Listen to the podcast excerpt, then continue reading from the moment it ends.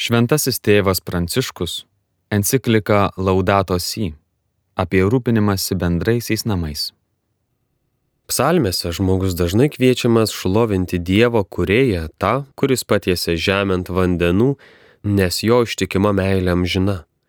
Tačiau šlovinti kviečiami ir kiti kūriniai Šlovinkite jį Saulę ir Mėnulį, šlovinkite jį visos mirksinčios žvaigždės, šlovinkite jį jūs dangaus aukštybės ir jūs vandenys virš dangaus kliauto.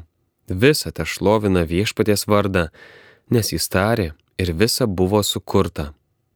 Gyvename ne tik Dievo gale, bet ir jo akivaizdoje ir su juo. Už tai jį garbiname, Pranašų raštuose kviečiama sunkiomis akimirkomis iš naujo atrasti jėgų kontempliuojant galingą į Dievą, kuris sukūrė visatą, begalinė Dievo gale neverčia mūsų bėgti nuo jo tėviškojo švelnumo, nes jame meilė ir gale yra viena. Iš tikrųjų, kiekvienas veikas dvasingumas akina vienu metu ir priimti dieviškąją meilę ir kupinam pasitikėjimo šlovinti viešpati už jo begalinę galę.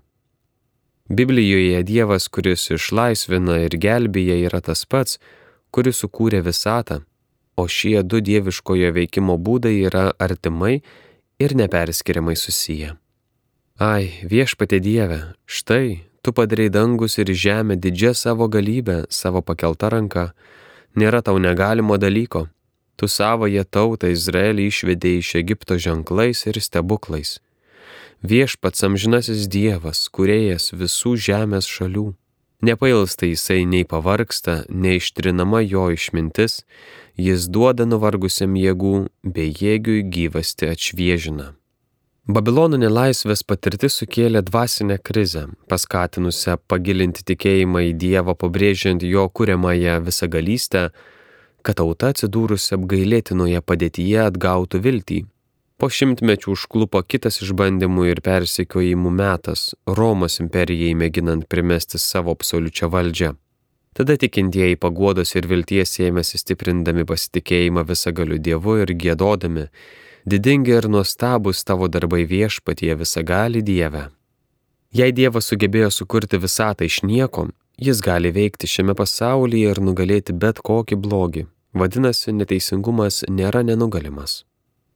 Dvasingumas, užmirštantis Dievą kaip visagalį ir kurėją, neprimtinas.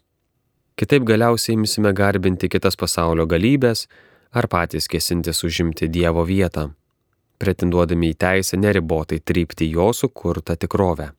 Geriausias būdas, kaip sugražinti žmogų į jo vietą, yra pagaliau padaryti galą jo pretenzijoms į absoliutų viešpatavimą žemėje ir vėl jam atsigręžti į tėvą kurėją, į vienintelį pasaulio šeimininką, nes kitaip žmogus visada links primetinėti tikroviai savo įstatymus bei interesus. Visatos slėpinys. Žydų krikščionių tradicijai kūrinyje reiškia daugiau nei gamtą, nes ji susijusi su Dievo meilės planu, kuriame kiekvienas kūrinys vertingas ir reikšmingas. Gamta dažnai suvokiama kaip sistema, kurią galima analizuoti, suprasti ir valdyti, o kūrinyje suvoktina tik kaip dovana. Duota visų tėvo kaip tikrovė apšviesta meilės sušaukiančios mus į visuotinę bendrystę. Viešpaties žodžiu buvo padaryti dangus. Taip mums parodoma, kad pasaulis kyla iš sprendimo, o ne iš chaoso ir atsitiktinumo, ir tai jį dar labiau išaukština. Laisvas apsisprendimas išreiškiamas kuriamuoju žodžiu. Visata atsirado ne kaip kaprizingos visagalystės, jėgos demonstravimo ar troškimo save įtvirtinti vaisius. Kūrinyje yra meilės tvarkos dalis. Viso, kas sukurta pamatinis motyvas yra Dievo meilė. Juk tu myli visą, kas yra ir nesišlikšti niekuo, ką esi padaręs, nes nebūtumai padaręs, jeigu būtum nekentęs. Tad kiekvienas kūrinys yra tėvo švelnumo objektas, kuriam pasaulyje paskirta tam tikra vieta. Net nereikšmingiausios būtybės trumpalaikė gyvybė yra jo meilės objektas ir per tas kelias egzistencijos sekundės jis apgaubė ją savo palankumu. Šventasis Bazilijus Didysis sakė, kad kuriejas yra beribis gerumas. o Dante Aligieris kalbėjo apie meilę, kuri judina saulę ir žvaigždės. Todėl nuo sukurtųjų kūrinių užkopiama iki jo meilės kupino gailestingumo. Sikiu žydų krikščionių mintis gamtą demitologizavo. Nenustodama žavėtis jos spindesiu bei didybę, nepriskyrė jai dieviškumo. Šitai buvo dar labiau pabrėžtas mūsų įsipareigojimas jai. Grėžtis į gamtą nevalia žmogaus laisvės ir atsakomybės sąskaita, nes jis, būdamas pasaulio dalis, turi ugdyti savo gebėjimus pasaulio apsaugoti ir jo potenciniams galimybėms išskleisti. Pripažindami gamtos vertę bei trapumą ir įsikiu kurėjo mums suteiktus gebėjimus, galėsime padaryti galą šiuo laikiniam mitui apie neribotą materialinę pažangą. Trapus pasaulis, kuriuo Dievas patikėjo žmogui rūpintis, verčia mūsų protą pažinti, kur link turėtume kreipti ir kaip taikyti bei riboti savo galę. Šioje visatoje sudarytoje iš viena su kita bendraujančių atvirų sistemų galima atrasti begalę santykio ir dalyvavimo formų. Tai veda prie minties, kad visuma yra atvira Dievo transcendencijai, kurioje ji rutuliojasi. Tikėjimas leidžia mums paaiškinti to, kas vyksta reikšmę ir grožį. Žmogaus laisvė gali protingai prisidėti prie teigiamo plėtojimuose, tačiau taip pat gali pridaryti naujo blogio, sukelti naujų kančių ir sąlygoti tikrą atžangą. Tai lemia įstringą ir dramatišką žmonijos istoriją, gebančią virsti laisvės augimo, išganimo ir meilės klestėjimu arba pasukti nuosmokio ir abipusio grevimo keliu. Todėl bažnyčia savo veikla ne vien siekia priminti pareigą rūpintis gamta, bet ir sikiu turi apsaugoti žmonės nuo savigriovos. Vis dėlto Dievas norintis veikti draugė su mumis ir tikėtis mūsų bendradarbiavimo geba ir iš mūsų daromų blogybių išgauti gėrio, nes šventoji dvasia išsiskiria begaliniu išradingumu būdingu Dievo protui, mokančiam išpainioti sudėtingiausius ir neperprantamiausius žmogaus reikalų mazgus. Jis panoro save tam tikrų būdų apriboti, sukurdamas besivystantį pasaulį, kuriame daugelis dalykų, mūsų laikomų blogybėmis, pavojais ar kančios šaltiniais iš tikrųjų yra gimdymo kančios, skatinančios bendradarbiauti su kurėju. Jis yra giliausioje kiekvieno kūrinio gelmėje, nevaržydamas jo autonomijos ir tai įgalina teisėtą žemiškosios tikrovės autonomiją. Jo dieviškasis buvimas, laiduojantis kiekvienos būtybės būti ir vystimasi, tęsia kūrimo darbą Dievo dvasia pripildė visatą potencinių galimybių, leidžiančių iš paties daiktų vidaus vis rastis kam nors kas nauja. Prigimtis yra nekas kita, kaip tik daiktuose įrašytas tam tikro meno, būtent dieviškojo meno protas verčiantis juos judėti nustatyto tikslo link. Tarsi laivo statytojas būtų suteikęs medžiui gebėjimą savaime įgyti laivo pavydalą. Nors ir suponuoja evoliucinius procesus, žmogus vis dėlto yra naujybė, iki galo nepaaiškinama remiantis kitų atvirų sistemų evoliucija. Kiekvienas iš mūsų turime asmeninę tapatybę gebančią užmėgsti dialogą su kitais ir su pačiu Dievu. Gebėjimas mąstyti, samprotauti, išradinėti, aiškinti, kurti meną ir kiti visiškai originalūs gebėjimai rodo fizinę ir biologinę plotmę pranokstanti nepakartojamumą. Kybiškai kitokia naujybė, asmens atsiradimas materialioje visatoje, suponuoja tiesioginį Dievo veikimą, ypatingą pašaukimą į gyvenimą ir tu, santyki su kitu, tu. Remdamiesi bibliniais tekstais asmenį laikome subjektu, kurio nevalia sumenkinti iki objekto kategorijos. Tačiau taip pat klaidinga būtų manyti, jog kitas gyvas būtybės galima laikyti vien objektais, pavaldžiais despotiškai žmogaus valdžiai. Gamtos laikymas vien naudos ir interesų objektu atsiliepia skaudžiais padariniais visuomeniai. Toks požiūris sustiprintas to, kas galingesnis savivalės labai prisidėjo prie neligybės, neteisingumo ir smurto daug kur žmonijoje, nes ištekliai tampa to, kuris pirmasis prie jų atkanka, arba to, kas galingesnis nuosavybę. Nugalėtojui atitenka viskas.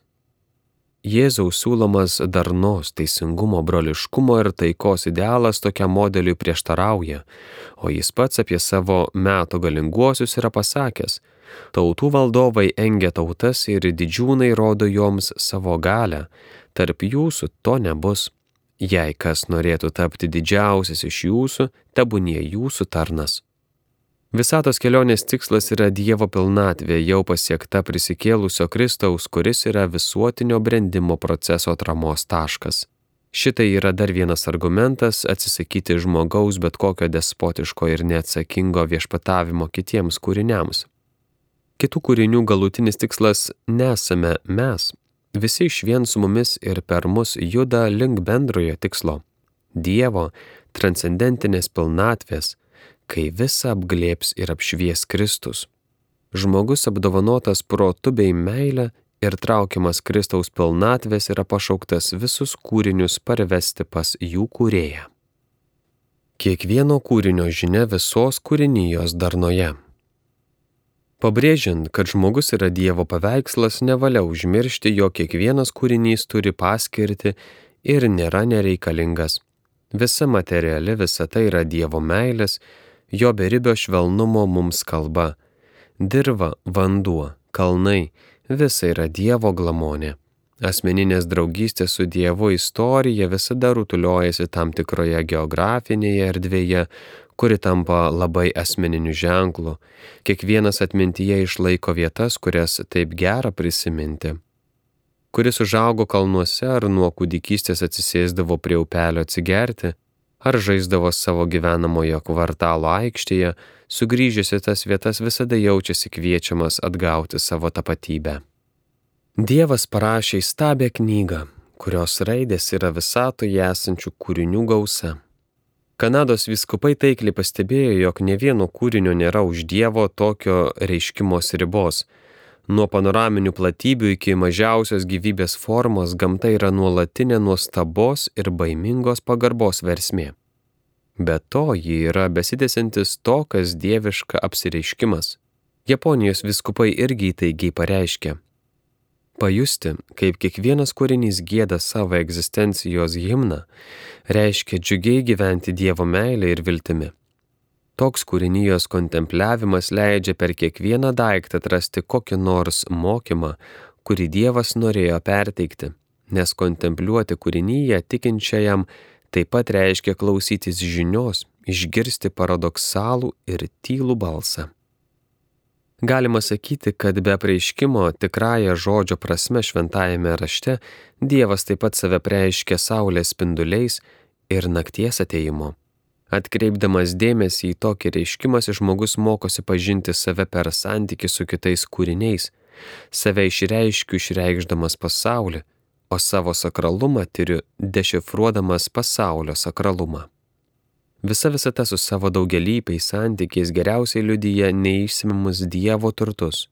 Šventasis Tomas Akvinietis išmintingai pabrėžė, kad daugelipiškumas bei įvairovė kyla iš pirmojo veikėjo ketinimo to, kuris panoro, kad tai, ko kam nors trūksta Dievo gerumui atspindėti, būtų pasiūlyta kito. Nes jo gerumo negali tinkamai atspindėti koks nors vienas kūrinys. Todėl turime apriepti daugelypiais ryšiais susaistytų daiktų įvairovę. Kontempliuodami kokį nors kūrinį Dievo plano visumoje, geriau suvokiame jo svarbą ir reikšmę To mokoma katalikų bažnyčios katekizme. Dievas panorėjo, kad kūriniai būtų vieni nuo kitų priklausomi - Saulė ir Mėnulis, Kedras ir lauko gėlė, Erelis ir Žvirblelis, jų nesuskaitomi skirtumai ir nevienodumas reiškia, kad jokiam kūriniu neužtenka vien jo paties. Jie egzistuoja tik priklausydami vienas nuo kito, kad papildytų vienas kitą tarnaudami vienas kitam. Skaitėme ištrauką iš Šventojo tėvo Pranciškaus enciklikos Laudato Si apie rūpinimąsi bendraisiais namais. Skaitė Vykintas Kuodis.